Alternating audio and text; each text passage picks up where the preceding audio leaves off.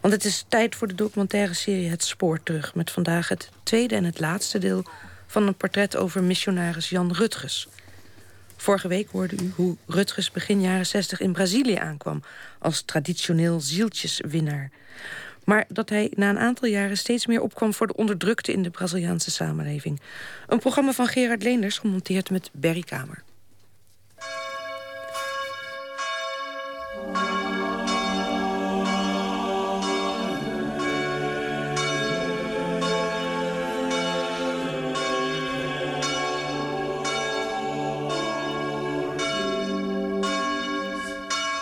Ik was een soort reiziger in sacramenten, want dat wilden de mensen ook van mij. Die wilden van mij, van de kerk, dus van de pastoor, een garantie op het hiernamaals, op de eeuwigheid. En uh, dat bracht ik hen. Aan het woord is Jan Rutges. Begin jaren 60 pastoor van meer dan 30.000 arme landloze boeren op het Braziliaanse platteland. In 1964 verandert de opvatting van Rutgers over de taak van de missie. Dat komt enerzijds door de militaire staatsgreep... die de wankele Braziliaanse democratie omzet in een dictatuur...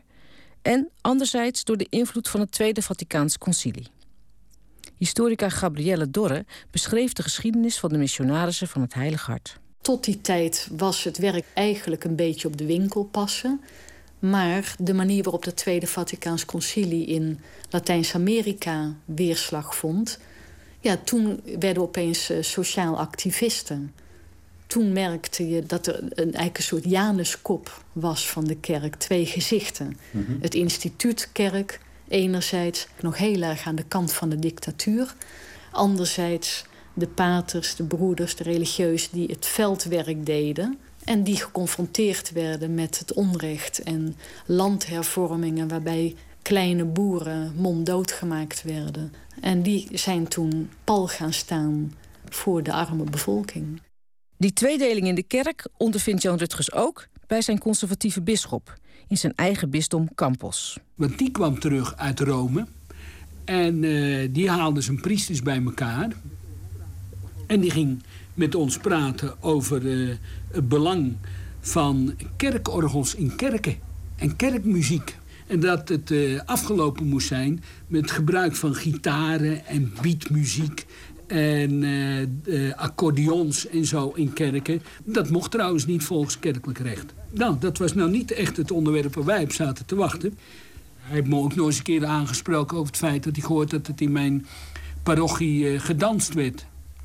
En dat was toch wel heel gevaarlijk voor de moraal. Dus van dat bisdom had ik niks te verwachten. Rutgers gaat werken op een manier die later de theologie van de bevrijding is gaan heten. Hij kiest steeds vaker partij tegen de grootgrondbezitters en wil de arme landloze boeren bewust laten worden van de situatie waarin ze zich bevinden. Dat blijkt uit een interview dat de journalisten Jan Glissenaar en Peter Pennaerts in 1968 in zijn parochie Morro do Coco opnemen. Dat uh, bewust maken van de mensen, van hun eigen bestaan en van hun eigen realiteit, is ontzettend belangrijk. Want zonder dit uh, kan er geen enkel ontwikkelingswerk waar wij volop in zitten, kan onmogelijk slagen. Waarom niet?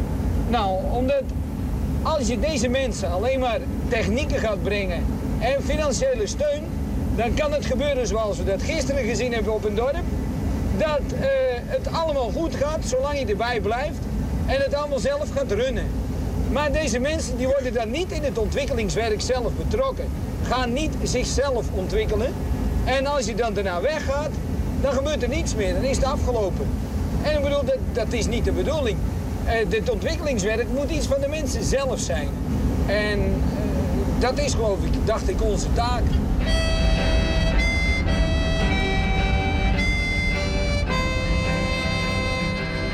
En langzamerhand uh, heb ik de missen in verzamelmissen bij elkaar gebracht. Dus ik bedoel, ik ging minder sacramenten bedienen. En dat iets massaler dan doen. Maar zorgen dat ik meer vrije tijd kreeg om dit educatieve werk, volkseducatieve werk te doen. En uh, toen heb ik uh, uh, samen met de vaste actie geld los kunnen krijgen voor een vormingscentrum. En daar konden dan mensen uit de hele streek in groepen bij elkaar komen. En dan konden we nog eens dieper op de zaken ingaan. En dan kon ik kaderen gaan vormen. De opening van het feest is schitterend geweest. Daar eh, mocht iedereen eten zoveel die wilde. We hebben een koe geslacht en die hebben we geroosterd. Een grote kuil gemaakt, platen erover, vlees geroosterd. En we hadden cachaça, dat is dat suikerrietje neven. En dan mocht iedereen zich bezatten op kosten van de pastoor.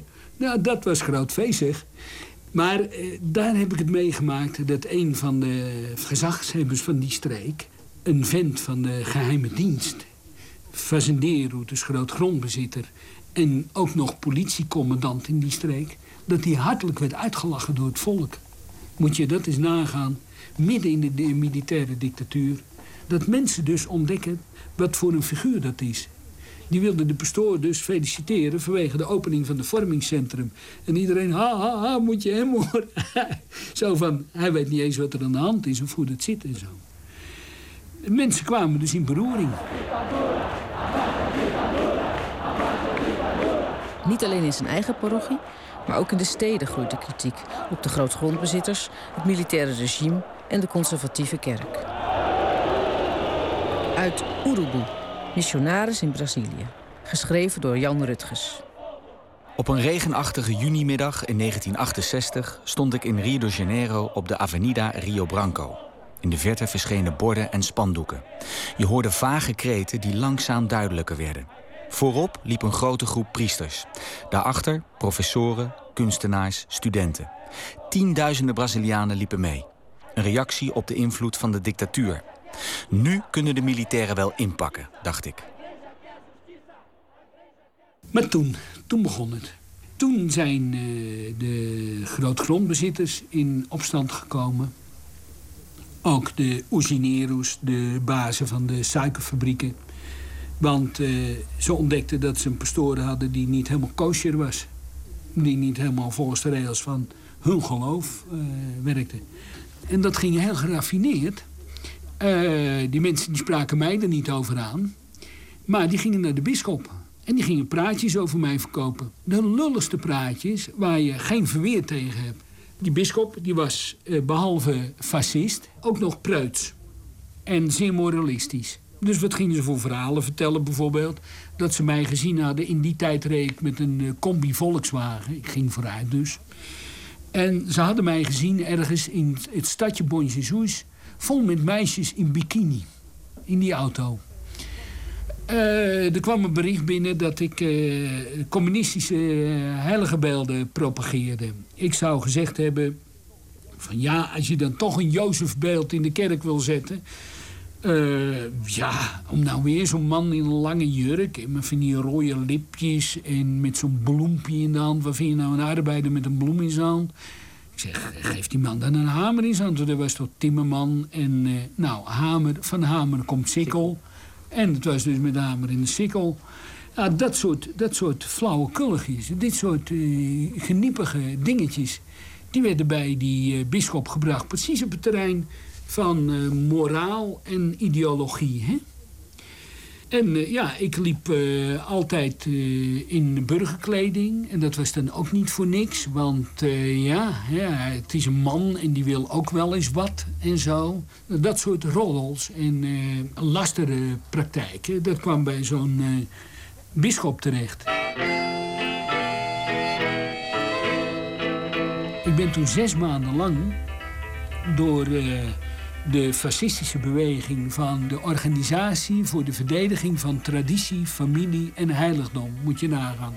Die is over heel Latijns-Amerika verspreid, maar die is door die bisschop opgericht. Die lui die hebben mij zes maanden lang geschaduwd. De parochie werd verdeeld in voor- en tegenstanders. Dan wel een klein groepje tegenstanders, maar de meerderheid voor. Maar dat waren de machtelozen, toch. En ja, toen werd ik eruit gekegeld een aantal collega's van andere parochies die waren solidair met mij. En toen zijn we het bisdom uitgezet. Althans, ik werd eruit gezet. En de anderen zeiden, nou, aju paraplu, wij gaan ook. Toen zijn we weggegaan. Rio de Janeiro, 4 januari 1969. Beste paterprovinciaal Jaspers. Laat ik maar weer doorgaan met mijn relaas over Campos. Tot 31 december zijn Jan Rutgers en de anderen gebleven. Ik heb ze zeer op het hart gedrukt geen herrie te maken, ook al zit de zaak hun hoog. Ik hoop dat ze hun zelfbeheersing hebben kunnen bewaren. Het is een zeer vervelende zaak geweest en is voor de mensen in Campos moeilijk te zetten. Voor Rutgers is het een zware dobber. Met heel veel groeten, Theo Mulder, overste MSC Brazilië.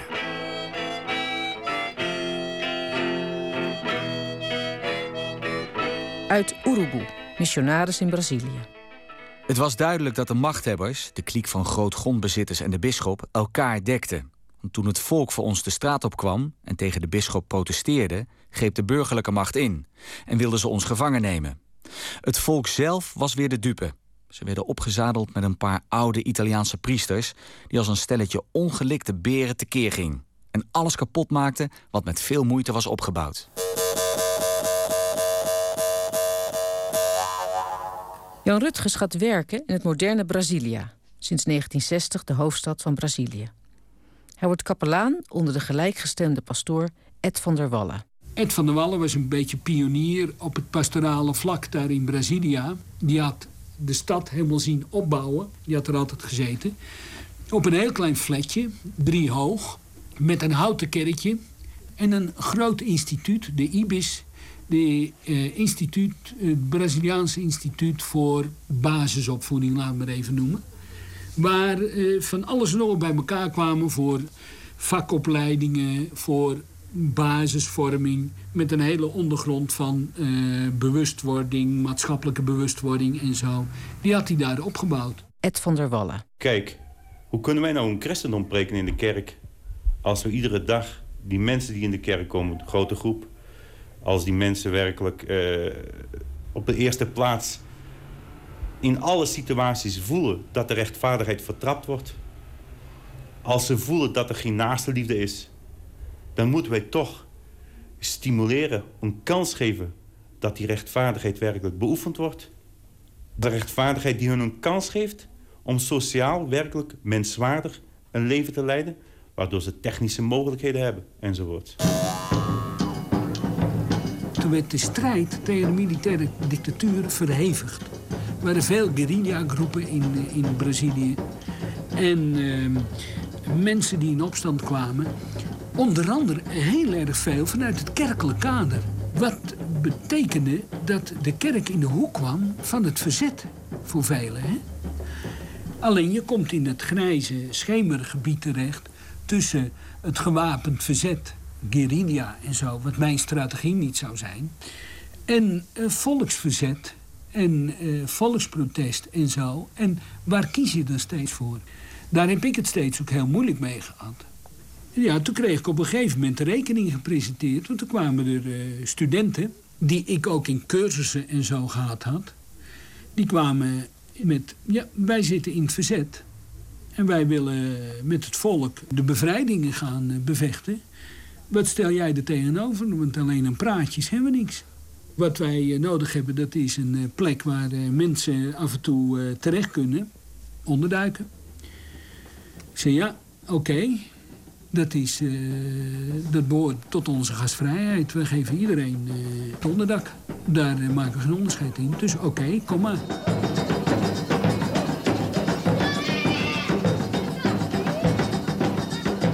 Wat je dan ziet, het zijn veel romantisch, idealistische figuren... ook uit de studentenkringen en zo... die dan wel aan de wereld willen, maar absoluut niet weten hoe of wat of waar... en veel theorieën verspreiden. Nou, dat kennen we hier vanuit uh, linksverzet ook wel een beetje, vanuit de linkse beweging. En uh, wat eigenlijk uh, kleine mensen ook waren... Die, die, die gewoon heimwee hadden naar huis... maar onder een valse naam rondliepen zonder papieren en zo... En dan moest je gewoon maatschappelijk werken spelen. En zorgen dat, uh, dat ze ergens op een verboden plekje hun vader en moeder eens konden zien om uit te huilen en zo. En dan ging dat weer weg. Zo dat soort dingen deed je. En uh, familieleden van uh, mensen die in de gevangenis zaten. Die bracht je dan tot aan de gevangenispoort. En je bemiddelde dat ze eens een keer op bezoek konden. Want die mensen gingen er ook kapot aan en zo. Nou, dat soort koeliediensten, dat, dat met mij toebedeeld. Ja, en intussen waren we met dat parochiewerk bezig. En ik vierde niet meer Eucharistie aan een, aan een mooi versierd altaar met de kandelaars erop en zo. Nee, ik had, ik zei altijd de schragenmis. Twee schragen met een paar planken erover en een, en een doek erover. En daar zat ik achter. En dan hadden we iedere dag, s'avonds, zaten we met een kringetje er rondomheen. En dan zaten we te praten en dat vierden we ook. Nou, daarin kwam heel veel tot leven van, van wat ons werkelijk beroerde daar in die bange tijden. Want het was hard hoor. Je zat er in Brazilië ook midden tussen de militaire dictatuur, echt. Uit Urubu, missionaris in Brazilië. Het was een ontzettend spannende tijd. Mijn gewone werk ging door. En daartussendoor moest ik vaak ongemerkt even weg... om iemand bij een of andere bushalte op te halen... en buiten de stad te smokkelen. Het klinkt allemaal spannend, maar in feite zit je iedere keer goed in de stinkert. Iedere keer wilde ik ermee ophouden. Maar dan voelde ik toch dat dat niet zomaar kon. Zeker niet toen ik las hoe de onderdrukking van de gorilla's, de politie en het leger werkte. Hoe er slachtoffers werden gemaakt en hoe bizar gemeen men te werk ging. Wij hebben toen documenten gekregen, uit de gevangenis gesmokkeld... waaruit bleek hoe verschrikkelijk dat was. Hoe die mensen daar gepakt werden. En nu ik het nog nu zit te vertellen, denk ik nog van... Godverdikke me, en de beulen die lopen nu nog vrij rond in Brazilië. Die zijn dan nog steeds niet gepakt. En daar zat me een schorum onder. Hè? We hebben dat dus uh, gestenseld op de Ibris op zondagmiddag. Stiekem niemand in de buurt.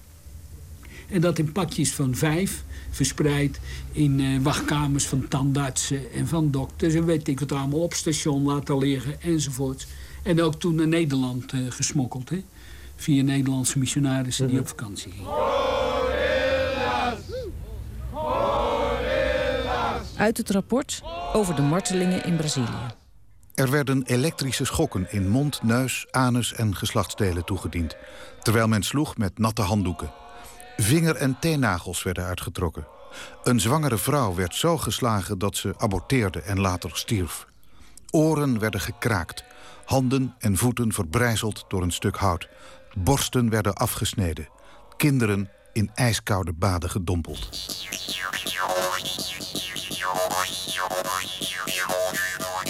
Mede vanwege de verspreiding van dit rapport en vanwege de steun aan subversieve elementen wordt Jan Rutgers op 4 mei 1970 gearresteerd. Mijn naam hadden ze in Rio ontdekt op een briefje van verzetsmensen dat ze bij mij terecht konden, onderdak konden vinden. Stom natuurlijk, hadden ze nooit. De code was dat je dingen uit je hoofd leerde, maar nooit op papier zetten. Nou, en er stonden vijf gorilla's voor de deur.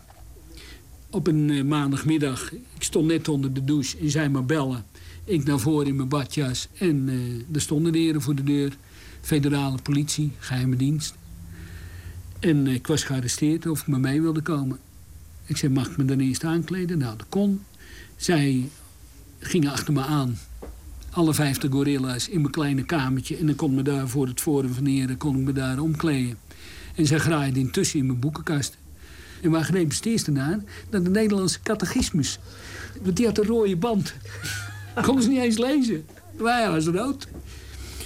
Nou, toen ben ik dus, uh, heb ik een kleine maand vastgezeten in de gevangenis. Ja, nou, daar zit je dan. Eerst geïsoleerd, want ze vonden mij een hoge uh, bobo in de verzetsbeweging. Ze verdachten me echt van... Uh, en dus ik moest separaat van de andere gevangenen zitten. Ik ben niet gefolterd in die gevangenissen, maar ik wist wat ze allemaal deden. Dus je hebt wel nachtmerries natuurlijk. Want je denkt steeds van, nu gebeurt het met mij.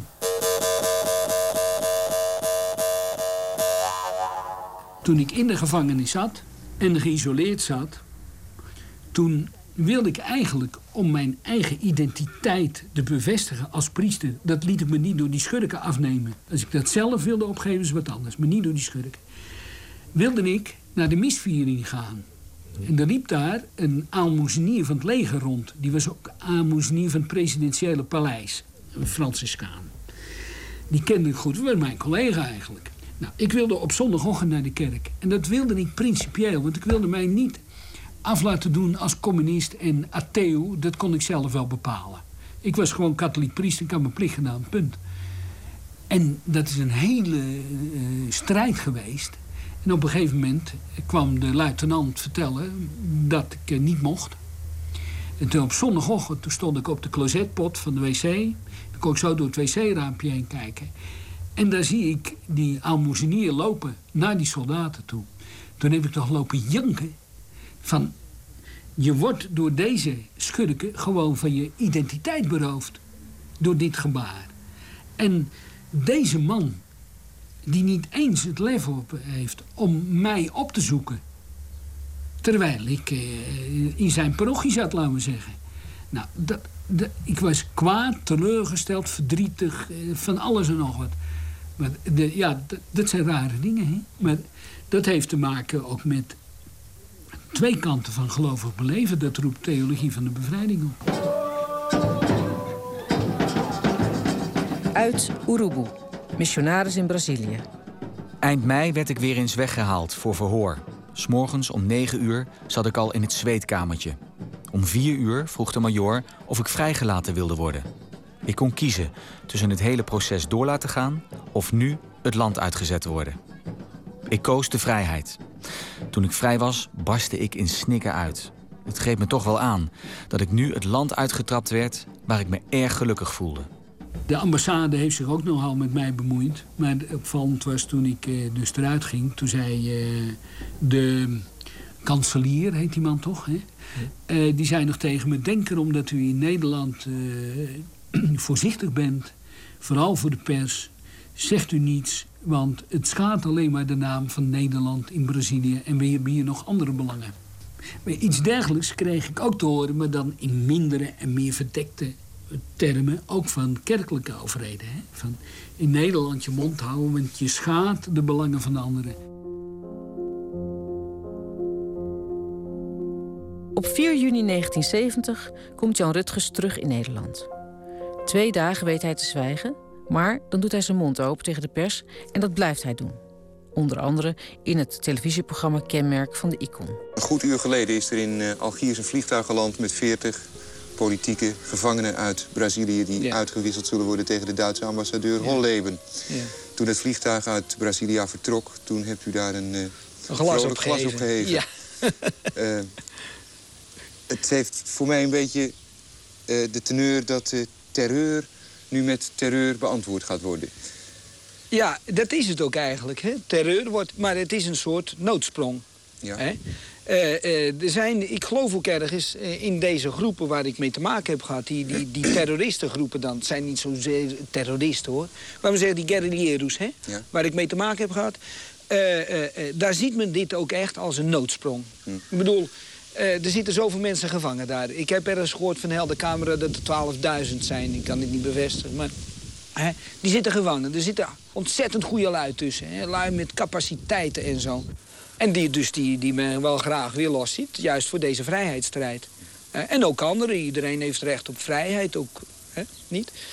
En er zijn geen andere mogelijkheden om, om, om dit te bereiken. Dus doet men dit. Het zijn noodsprongen. Tilburg, 17 oktober 1970. Beste Jan, in het Nieuwsblad van het Zuiden stond op 10 oktober een artikel... Jan Rutgers, ooggetuige in gevangenissen. Tal van martelingen in Brazilië. Is dat toch niet gevaarlijk, Jan? Niet voor jou, maar voor onze confraters in Brazilië. Ik besef ten volle dat je de goede zaak dienen wil door je spreken en getuigen. Maar wat bereik je ermee? En is de schade die je andere werkers hiermee aandoet niet veel groter dan het voordeel dat je beoogt? Wellicht heb je andere inzichten hieromtrent. Hartelijke groeten, W. Jaspers, Pater Provinciaal. En ik heb daarna nogal wat op mijn donder gekregen, van, ook van collega's. Ik kan het wel begrijpen hoor, maar ik ben het er niet mee eens. Dat ik eh, mijn mond heb open gedaan tegenover de pers. En ze zeggen ja, mijn verantwoordelijkheden liggen ergens anders. Niet om de, de, de, degene die iemand zijn te verdedigen, maar degene die niemand zijn. En het gaat om die mensen die daar kapot gemaakt worden. Ja, nou, zo zat dat. In oktober 1970 wordt Jan Rutgers aangenomen als missiesecretaris in het bisdom Utrecht. Hij begeleidt de traditionele missiegroepjes, de zelatrices, collectanten die zich inzetten voor de missie in de derde wereld. Hij doet dat via cursussen waarbij bewustwording voorop staat. Bij hemzelf slaat de twijfel toe. In 1972 wordt Jan Rutgers door de Braziliaanse rechtbank bij verstek veroordeeld tot twee jaar celstraf. Dit zet hem aan het denken. Op 22 februari 1973 schrijft hij aan zijn baas: Beste pater provinciaal, ik heb voor mezelf het besluit genomen om de congregatie te verlaten. Al lange tijd heb ik geen sacramenten meer bediend en niet meer gepreekt. Mijn huidige werk heeft er niet onder geleden. Waarom zou ik dan de uiterlijke band handhaven met de congregatie en uiterlijk binnen het priesterambt blijven als ik er inhoudelijk al niet meer toe behoor? Dat zou heel hypocriet zijn. Een bijzondere bijkomstigheid is dat ik al enige tijd bevriend ben met Vie van Dijk, die ik in mijn werk ontmoette. Het heeft hier geen zin om al haar kwaliteiten op te noemen. Feit is in ieder geval dat wij erg van elkaar houden en verder samen willen leven. Met vriendelijke groet, Jan Rutgers. Jan Rutgers trouwt met Vie van Dijk en ze adopteren in 1976 een baby uit Peru. Rutgers is intussen ook nog steeds werkzaam als missiesecretaris. Hij krijgt gezelschap van Meinert Muller, net afgestudeerd missioloog. Ik eh, werd met name aangetrokken om het werk te doen wat Jan Rutgers niet deed.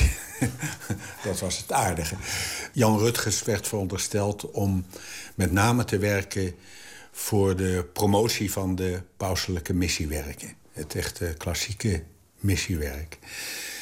En uh, dat was uh, nou niet bepaald iets waar Jan uh, zijn hart lag. Jan, Jan zijn hart lag bij veel meer radicalere, uh, veranderende groepen. Mensen die echt iets nieuws wilden. Die uh, uh, open stonden voor ja, wat dan bewustwording genoemd werd. Maar zijn hart lag überhaupt meer bij wat de mensen zelf wilden kiezen. Waar ze zelf achter wilden staan, waar ze zelf warm voor wilden lopen. En niet bij het promoten van organisaties van hem moest het heel erg van onderop gebeuren. En dat sloot aan bij zijn werk wat hij altijd in Brazilië had gedaan. Met eenzelfde instelling gaat Jan Rutgers een paar jaar later als coördinator vormingswerk voor de Landelijke Vereniging van Wereldwinkels werken. Ook hier spelen zijn ervaringen uit Brazilië een belangrijke rol, zo merkt zijn toenmalige collega Hans Berends. Ik zat op het landelijk secretariaat en ik had contact met allerlei landelijke actiegroepen om dus samen met die actiegroepen, zoals Zuidelijke Afrika, Latijns-Amerika-beweging, campagnes te realiseren waar ook de plaatselijke wereldwinkels aan meededen. Hoe ging dat met z'n tweeën? Nou ja, uh, vaak uh, ging dat dus naast elkaar.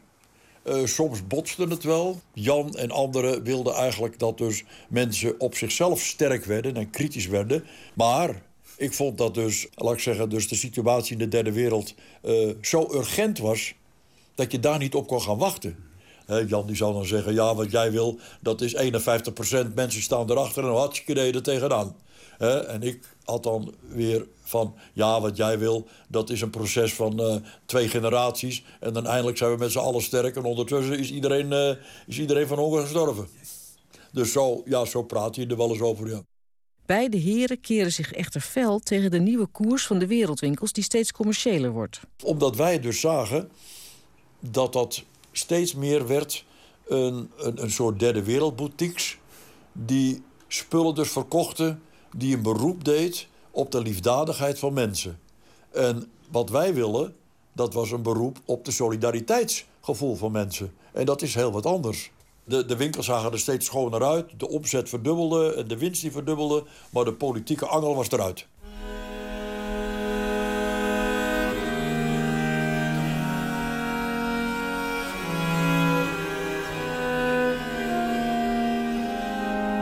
Jan Rutgers overlijdt in 2001. Over zijn ervaringen in Brazilië zei hij... Ik heb daar zelf mijn uh, rijkste jaren aan beleefd. Ja, zeker. Ja, god. Ik heb daar uh, mensen en een wereld heel anders leren zien. En, en dat is mijn eigen bekering geweest. En dat is, dat is een verrijking hoor. Dat is heel belangrijk. Om armes de te zijn tussen, tussen die, die uh, suikerrietkappers daar in het binnenland. Nou, leuk vind je niet hoor. Maar het is wel uh, goed hoor. Hartstikke goed. Ja, nou dat is mijn rijkdom.